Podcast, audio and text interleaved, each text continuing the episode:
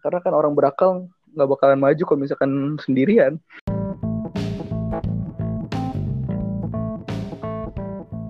Oke, selamat malam dan selamat datang lagi di Jejak Digital Podcast bareng gue Yazi. Apa kabar semuanya? Semoga baik-baik aja para sobat digital. Nah, malam hari ini gue bakal mengundang temen SMA gue. Dia itu adalah mantan ketua OSIS. Banyak cerita tentang dia yang bisa kita ulik. Dan langsung aja, ini dia. Muhammad Hilmi Uwais Al-Karani. eh salah salah salah Gila. Ah, apa Muhammad? Hilmi Wai lagi pak Oh iya, lupa. Ini pasti anaknya Kiko Uwais ya, bener nggak? Bener kan? Oh enggak, bukan. so tau lu ah Oh bukan. Oke, gua udah lama banget nih udah ketemu sama lu. parah Apa kabar gila. nih? sehat sehat alhamdulillah bebas corona Bebas corona luar biasa. Lu tinggal di mana, Mi? Gua di Jatinegara Indah eh, daerah Jakarta Timur dah deket-deket Buaran kalau lu pada tahu Oh iya iya. iya. Sebelum Rawamangun bukan sih? ah ya deket-deket sana juga bisa ke arah sana Kita pertama awal kenal tuh di mana sih? Di SMA tercinta lah ya, pasti SMA 71. 71 Tapi tepatnya tuh tepatnya tuh momennya tuh pas kapan ya? Pas kita apa tuh? Bener-bener tatap muka. Kenalan Sing- gitu. Seinget gue sih ya pas lagi awal kita ekskul pak yang ikut taekwondo. Seinget gue sih oh itu ya. iya iya benar-benar di lapangannya itu ya benar-benar. Yoi, lu lawan fight gue apa paling sering dah sama lu mah. Oh enggak dulu belum fight masih awal-awal masih sabuk putih belum fight gua sama lu. Oh iya, lu belum bisa, belum setara sama gue lagi. Iya. Gila, gila nih Hilmi ini ketua OSIS lo di sekolah gua waktu angkatan gua. Luar biasa. Itu Aduh. perjuangan perjuangan saat daftar masuk OSISnya sama saat di OSISnya tuh sesusah apa sih, Mi? Sebenarnya susah relatif ya, yoi gitu.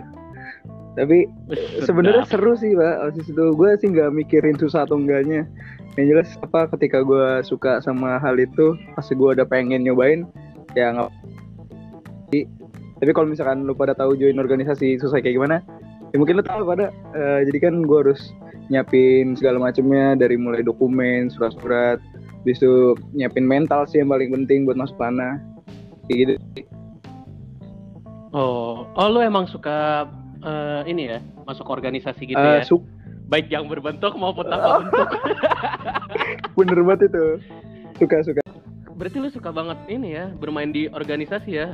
Dari SMP juga lu udah jadi ketua OSIS Aduh kan? iya alhamdulillah nggak usah dibuka-buka lah pak Ih, luar biasa ini. Orang berarti ada passionate. Berarti nah, sekarang lu kuliahnya di mana? gue alhamdulillah di IPB Institut Pertanian Bogor di Bogor di Dramaga gue ambil teknik industri pertanian alhamdulillah Luar biasa. Pengen jadi petani ya? petani berdasi dong tentunya Petani berdasi. Yoi. Oke, itu lu masuknya kalau nggak salah di situ ada jalur ini ya. Pakai jalur ketua OSIS. iya jadi kalau gue sih gue revisi gue masuknya sih sebenarnya SBM tapi gue semua jalur masuk IPB gue cobain Eh, undangan alhamdulillah gue tuh masuk kuota undangan kan tapi nggak keterima itu nggak keterima IPB abis itu gue coba masukin jalur ketua osis. Eh, masuk tuh eh, berkas-berkasnya udah keterima udah selesai semuanya. Habis itu gue coba juga SBM-nya gue ambil IPB juga. Pokoknya tiga jalur gue cobain semuanya IPB dah. Oh. keterimanya pas lagi SBM kalau misalkan gue keterimanya eh, jalur ketua osis gue bayar uang pangkal 25 juta. Kan lumayan ya. Alhamdulillahnya gue masuk SBM Oh, kalau kalau lewat SBM uang pangkalnya kagak ada berapa? uang pangkal. Kita eh, UKT doang. Oh, 25 juta tuh lumayan. iya kalau ya. buat gue sih susah sih Ih, luar biasa itu 25 juta bisa buat ngerakit motor racing Ih, itu, parah. motor-motor yo cafe racer. gila tuh Nanti kita bahas, nanti kita harus pak bahas. wajib itu Ah, iya. Terus kalau di ketua OSIS nih, lu ngatur waktu antara lu belajar sama di organisasi tuh gimana, Mi? Kan sibuk banget tuh ketua OSIS. iya ya buk sih pinter-pinter bagi waktu aja sih kalau gue eh, yang jelas mikirnya sih ketika gue di kelas ya gue belajar eh, gue bikin catatan yang benar gue ikutin pelajaran yang bener lah. Habis itu di setelah sekolah kan biasanya pas lagi habis sekolah lah pulang sekolah nah itu baru ngurusin kerjaan osis biasanya kan. Habis itu baru pas lagi pulang lagi gue kadang-kadang review pelajaran di rumah lah sekali-kali sekalian ngerjain PR gitu-gitu. Alhamdulillahnya gue ini anji pas lagi gue SMA gampang nangkep pelajaran lah alhamdulillahnya Oh, iya, bagus berarti daya tangkapnya parah bagus. Nah, terus abis lu lulus nih, lulus dari SMA, Hmm. kan lu dicap sebagai ketua OSIS angkatan 2019. Aduh. Nah, benefit setelah lu lulus itu selain buat bisa di-apply buat masuk IPB itu apalagi nggak? Apa ada self proud gitu dari Ah. wah gue ketua OSIS nih waktu dulu. kalau self self proud kayaknya enggak juga sih karena apa ya gue nggak mentingin branding nama gue sih sebenarnya kalau buat ketua osis tapi yang gue rasa lebih mahal dibanding gue bisa ngeplay eh, sertifikat gue buat IPB tapi gue yang lebih gue nilai sih pengalamannya pak pengalaman os Luar biasa. Pengalaman. Keren keren keren. seru banget gila mulai dari lu ketemu teman baru Ah. ketemu teman barunya juga bukan teman sekolahan lu doang sampai ketemu sekolah-sekolah lain bahkan kan waktu itu gue salah satu proker eh, osis gue waktu itu bareng teman-teman eh, kita studi banding osisnya ke Bandung ke SMA 3 sama SMA 5 dan fun fact-nya alhamdulillahnya nih ya eh, ternyata ketua osis SMA 5 yang waktu itu gue studi banding itu satu kontrakan sekarang sama gue di PB Wah, kebetulan ya. kebetulan alhamdulillah. Jadi udah nyambung jadi kita. Itu makanya itu yang salah satu yang gue bilang mahal pengalamannya. Jadi dengan itu gue juga dapat link-link sejauh-jauh Bandung kayak gitu Oh iya, SMA 5 tuh terkenal loh di Bandung loh. parah dia nomor 4 se Indonesia apa kalau nggak salah ya Itu dari zaman company kalau nggak salah. iya emang Dari zaman lama banget deh iya pokoknya. gedungnya juga emang gedung lama juga sih gedungnya gedung gedung-gedung Belanda gitu emang agak serem Iya, sih iya. tapi cakep-cakep Tapi anaknya artistik, artistik gitu. Yoi. Keren-keren. yoi bener-bener parah Nah, ngomongin tentang pandemi nih. Hobi di kala pandemi. Nah, hobi lu tuh kan eh, otomotif, workout, yoi bisnis, Yoi. pokoknya yang extraordinary banget deh. Mulai dari otomotif dulu nih. otomotif itu kan eh, yang gue lihat tuh lagi ngerakit motor cafe sejenis cafe racer gitu ya. Yoi, Bread Cafe pak, Bread Cafe. Gitu. Jadi eh, sejenis motor custom ya, alirannya Bread Cafe. Jadi eh, Bread Cafe itu mirip-mirip cafe racer. Kalau misalkan lu tahu cafe racer kan belakangnya ada kayak buntut tawannya gitu tuh, Iya iya. single seater. Nah kalau misalkan gua yang lurus jadi bisa boncengan, nah, itu namanya Bread Cafe. Campuran bread style sama cafe racer, jadinya Bread Cafe. Kayak gitu. Oh jadi kayak Dylan gitu ya bisa boncengan gitu. Iya kayak Dylan, tapi kalau Dylan tuh jatuhnya kayak Jeb style gitu. Dia kan stangnya di atas tuh, stang kayak stangnya nggak nunduk. Nah kalau gue stangnya di bawah segitiga, jadi lebih lebih pegel lah buat pinggang lah. Oke itu lu rencananya awal-awalnya gimana sih? Kok bisa kepikiran bikin motor bukan beli motor? Gimana ya? Gue emang gini sih, gue dari kecil itu emang hobi gue ngoprek dari sepeda. Gue juga eh, pernah ngoprek-ngoprek sepeda gue lah. Fun fact juga nih sih, Oh, gue waktu itu eh, pas lagi gue kecil nih, gue pernah tuh demam, entah gue lupa SD kalau nggak salah sih, demam gitu panas. Nah itu kan gue di rumah dong, di rumah tuh. Habis itu eh gue tidur lah kalau misalkan lu tau kalau lagi pas lagi masih kecil sakit panas pasti tidur siang tuh mimpinya aneh-aneh. Yang Hmm. ketiban apalah nggak jelas gitu deh pokoknya kan. Nah itu gue udah Hmm. mimpi, mimpi buruk banget nggak enak lah. Pas lagi gue bangun tuh bangun siang masih panas nih. Gue langsung ke gudang belakang gue itu tempat nyimpen sepeda-sepeda gue dah dulu tuh ada gudang. Nah, itu sepeda gue eh, masih SD nih masih SD gue oprek semua tuh gue lepasin baut-baut paling kecil tuh. Sampai ban-bannya semuanya gue lepasin udah gue lepasin semuanya habis itu gue pasang lagi nah habis itu sembuh panas gue tapi pokoknya gue ya itulah jadi kayak istilahnya dengan ngelakuin hal itu kayak jadi obat buat diri gue sendiri gitu oh buat self satisfy satisfaction ya. ya gitulah Buat kesenangan gitu. bener ya. satu kesenangan sama juga ternyata bisa jadi obat gue gitu ternyata nggak mesti Oke. minum obat medis medication kayak obat-obat yang biasa lah tapi ternyata gue lebih butuhnya itu yang melakukan hal yang gue senengin kayak gitu mungkin. Oke, itu lu perencana dibikin perencanaan dulu nggak? Dibikin desain motornya dulu? motor ya?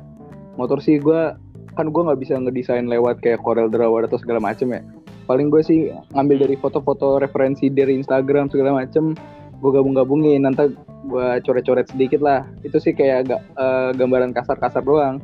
Desain gue sih kayak gitu Oh, terus apa? part-partnya itu lu eh, beli jadi apa satu-satu gitu? gue satu-satu. Maksudnya beli paketan apa satu-satu? satu-satu. Kalau paketan kadang nggak serak aja gue sama yang dipaketin ya. Kayak misalkan tankinya bentuknya kayak gini habis itu digabunginnya sama joknya kayak gini. Nah, itu gue kadang nggak serak kan. Kan kalau custom kan cerminin kayak apa sih yang mau lu mau gitu kan. Jadi gue nggak serak aja kalau Oh, bener paketan bener kan. bener. satu-satu gue beli dari barang-barang bekas gue restorasi lagi gue repaint gue dempul gitu-gitu deh Oh iya iya iya. Itu lu modal habis berapa itu? Satu motor itu. gue bingung sih sebenarnya kalau modalnya karena kan kalau misalkan hobi tuh kadang ya udahlah jalan aja tapi yang gue inget sih motornya itu harganya kan 6 juta tuh gue beli Tiger tahun 2000 itu habis itu gue balik nama ya habis-habis 7 juta lah pajaknya hidup semuanya Wih, 7 juta doang. Itu Motor sekeren itu 7 juta. bahannya doang tapi kalau misalkan custom customnya ya gue belum ngitung banget sih. Paling bisa di atas 5 juta hampir 10 juta kali nggak jauh ya.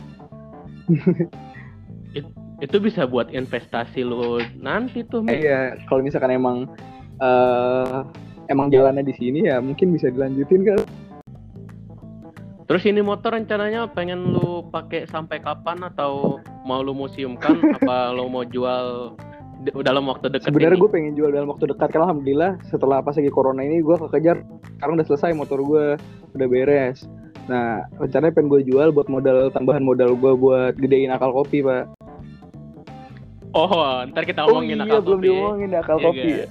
lupa gue Ya, nggak apa-apa, nggak apa-apa. gak apa disenggol-senggol Nah. dikit Siap. Eh, terus selain otomotif lu suka workout juga nih, ngebentuk badan. Ih, lu tuh dulu gendut loh, Gue pernah lihat foto lu waktu kecil. Asli.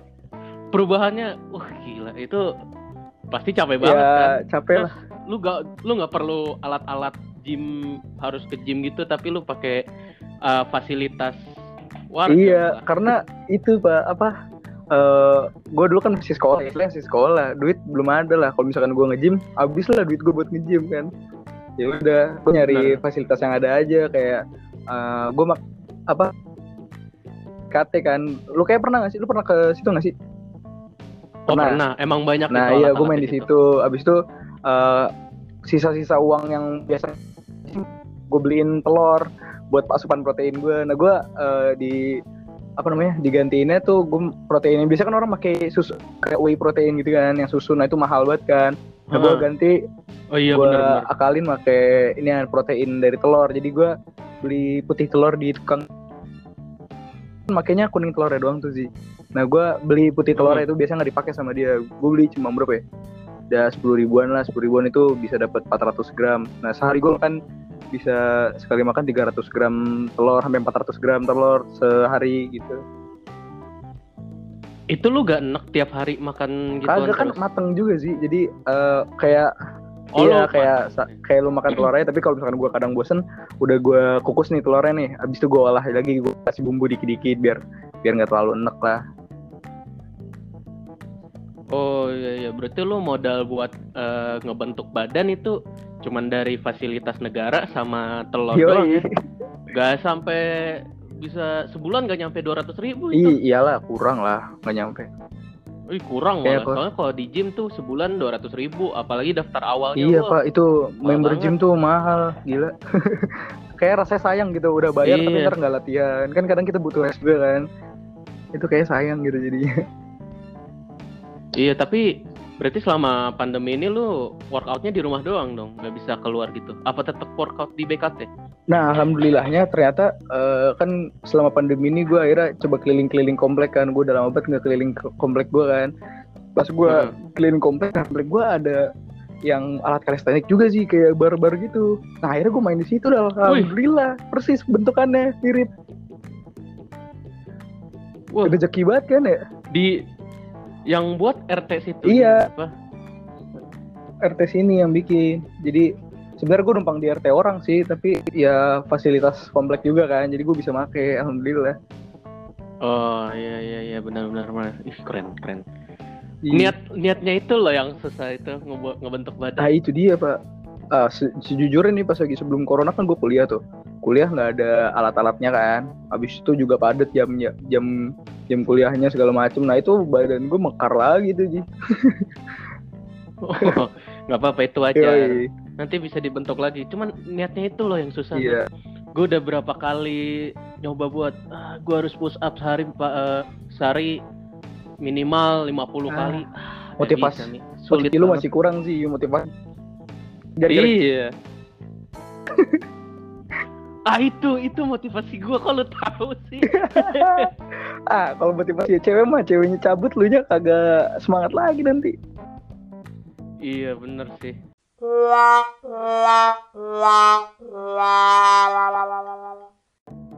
Oke oke. Terus apa lagi tuh? Hobi lu selain otomotif, workout, lu ada kegiatan apa lagi? Eh, oh sebelum bisnis nih, gue juga mainan hidroponik pak di rumah. Oh iya bener hidroponik. Hidroponik. Hidroponik ya. Alhamdulillah di rumah udah ada sekitar 200 lubang tanam lah buat buat nanam. Waduh, Mm-mm. luar biasa. Alhamdulillah. Yes. Jadi tuh lu nanam hidroponik, lu panen buat sendiri, terus dimasak sendiri. Iya, tapi rencananya sih ke depannya bakal diindustriin sih mungkin. Tapi gue lagi masih sembari riset juga kan. Gitu. Jadi Heeh. selama ini sih masih dikonsumsi buat konsumsi pribadi aja dulu. Tapi beberapa orang sih udah ngelirik-ngelirik sih. Ya luar biasa itu. Hobi-hobi lu eh, menarik sekali ya. Jadi kayak hobi gue mata duitan banget gitu. Iya. Balik lagi ke duit, duit, dari duit. dari custom motor, workout, sama hidroponik itu lu semua lakuin sendiri? Alhamdulillah sendiri sih. Tapi ya kan tetap aja Hidroponik juga. ya sendiri bikinnya tapi kan eh, ilmu yang gue dapet kan dari orang lain juga jadi jatuhnya nggak sendiri juga lah kan gue belajar dari Oh iya tuh. dari YouTube Oh iya. Hmm. iya, gue gue milenial. gue gue berterima kasih sama Bu Enggar lu tau Bu Enggar gak sih Oh tahu. Nah, itu tuh- guru pokoknya dia di jurusan IPA. iya lah. dia guru prakarya kan nah, dulu pas gue kelas 1 SMA iya dia dia ngajar gue prakarya dan kewirausahaan kan nah itu materinya tentang Hmm. hidroponik nah mulai dari situ gue makin getol lagi sama hidroponik pak nah gue berterima Oh, kasih banget tertarik sama ya? Bu Enggar iya nah itu dia pak eh, kayak batu loncatan gue tuh dari situlah jadi suka banget sama hidroponik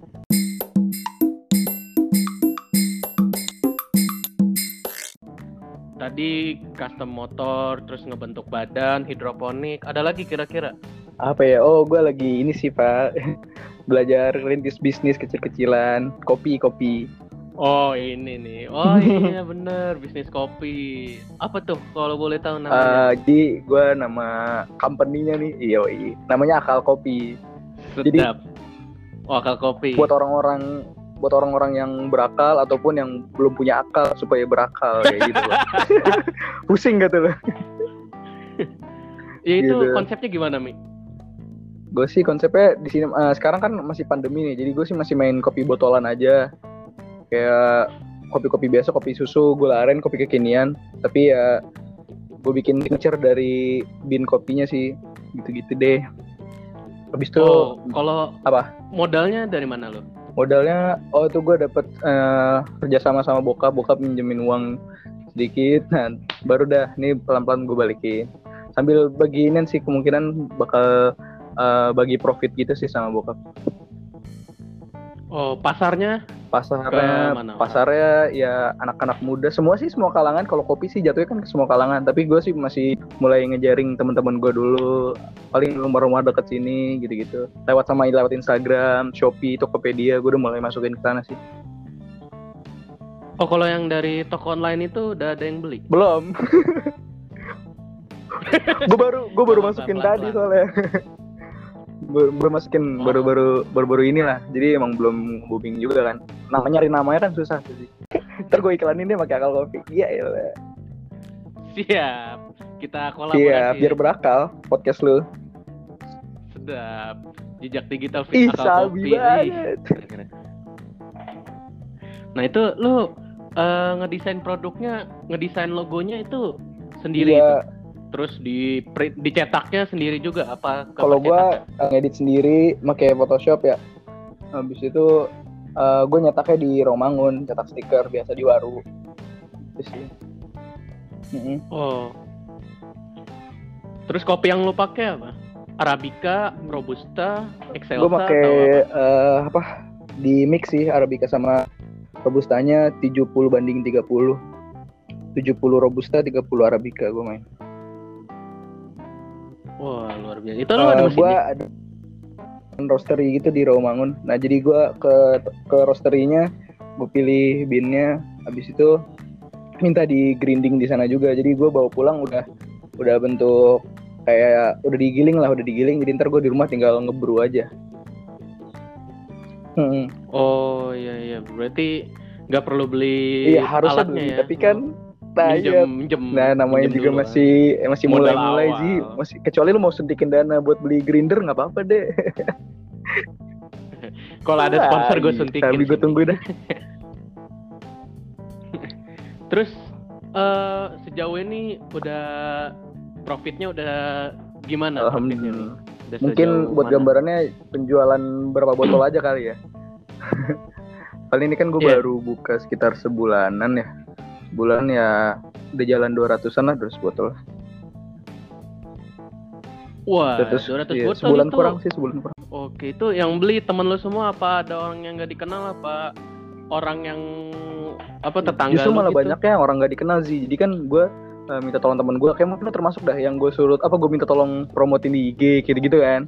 Nah ternyata banyak orang tuh Hmm. yang kenal dari orang-orang prom temennya temennya temen gue lah kayak gitu jadi yang di gue nggak kenal dia siapa tapi dia alhamdulillah repeat order terus ini baru tadi gue nganter lagi kopi ke dia Oh. Berarti kok eh, lu nganter-nganter ya? iya karena sistemnya? di sini sekarang gue masih gimana ya kalau masih dekat-dekat gue sih masih bisa anter karena kan juga kasihan mereka kalau masih nanggung kira gue hitung itu masih masih nggak apa-apa masih oke oke aja Berarti sekarang masih free ongkir. masih ya? free ongkir untuk jarak 7 km ke bawah lah Oke, menu kopi masih sama? Belum iya nambah? gue gue masih main yang biasa susu kopi gula aren yang lu pernah beli juga kan sih Oh, pernah dong. ya kan Udah pasti lah gila enak banget kan Iya, makanya gue bikin podcast karena berakal. itu Iya. dia gara-gara kopi gua kan tuh akhirnya bikin podcast kan Iya. Tuh buat orang-orang yang mau mulai podcast lo harus beli kopi gue dulu berarti. Jadi gue sih baru bikin yang eh, 240 mili, gue pakai botol kaca gitu konsepnya kan kayak botol-botol mention. Gitu gue baru ngeluarin yang itu sih Oh. kopi susu gula aren. Nah, tapi oh nama kopinya tuh eh, kopi anti buntu. Jadi nama itu Oh. nama itu kan eh, sebagai doa gitu. Jadi ketika orang minum tuh otaknya nggak bakal buntu lah buat nyari ide. Apa? Jadi kalau misalkan ada yang mau beli kopi, gimana nih caranya nih, Mi? Eh, lu bisa DM akal kopi lu pertama follow dulu nih follow IG-nya akal.kopi terus bisa DM lu bisa sharing-sharing cerita-cerita atau juga boleh nih ke akal kopi. Nah bisa deh habis itu ntar. Oh. eh, apa namanya? Bisa pesen deh kalau akal kopi ntar. Eh, kalau nggak begitu jauh bisa langsung gua anter nanti sekalian ngobrol-ngobrol kayak waktu itu kita. Jadi sekalian nganter sekalian silaturahmi gitu. Tapi tetap aja kalau bisa Oh, men- eh, jangan terlalu jauh dan stay apa tetap pakai masker gitu. Karena ini kan kita lagi PSBB nih belum new normal nih. Oh iya benar-benar. Jadi menambah pertemanan juga. ah ya? itu dia poinnya karena kan orang berakal nggak bakalan maju kalau misalkan sendirian. Bener bener bener. Hmm. Ih keren lah. alah alah. Terus botolnya botol kaca juga ya. Iya. Jadi bisa digunakan kembali. Iya bisa dipakai bisa di apa namanya disterilisasi lagi nanti ada kalau misalkan emang tapi gue selama ini sih masih pakai botol baru mungkin nanti nextnya ada bisa kali refill kali gitu masih itu gambaran lu, kasar itu lu dapat dapat botolnya dari mana? ada gue dapat supplier di daerah Tangerang deh botolnya. Wih jauh banget dikirim.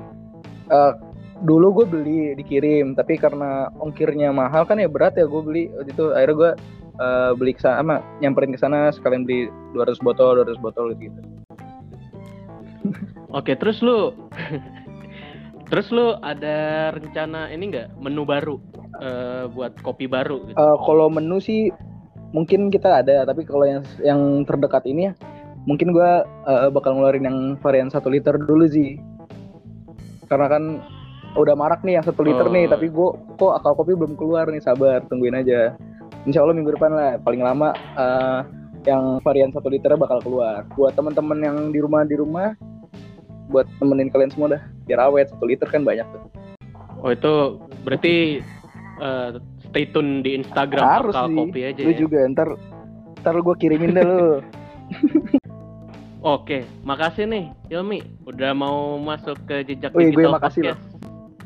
Semoga aja semoga aja Amin, usahanya lu lancar juga. ke depan. Sama-sama. Sukses terus deh pokoknya. Terus semoga juga eh, pandemi ini cepet selesai biar eh, workout Amin amin jalan itu lagi. yang paling penting pak. Kita semua harus do- ini lah rencana pemerintah lah. Iya, ada pesan-pesan kan nih buat eh, sobat digital Pesan-pesan apaan ya? Eh pokoknya atau pesan ya buat mantan Allah, gitu. jangan dong udah punya cewek. Enggak, enggak, enggak. Kasihan. Paling apa ya?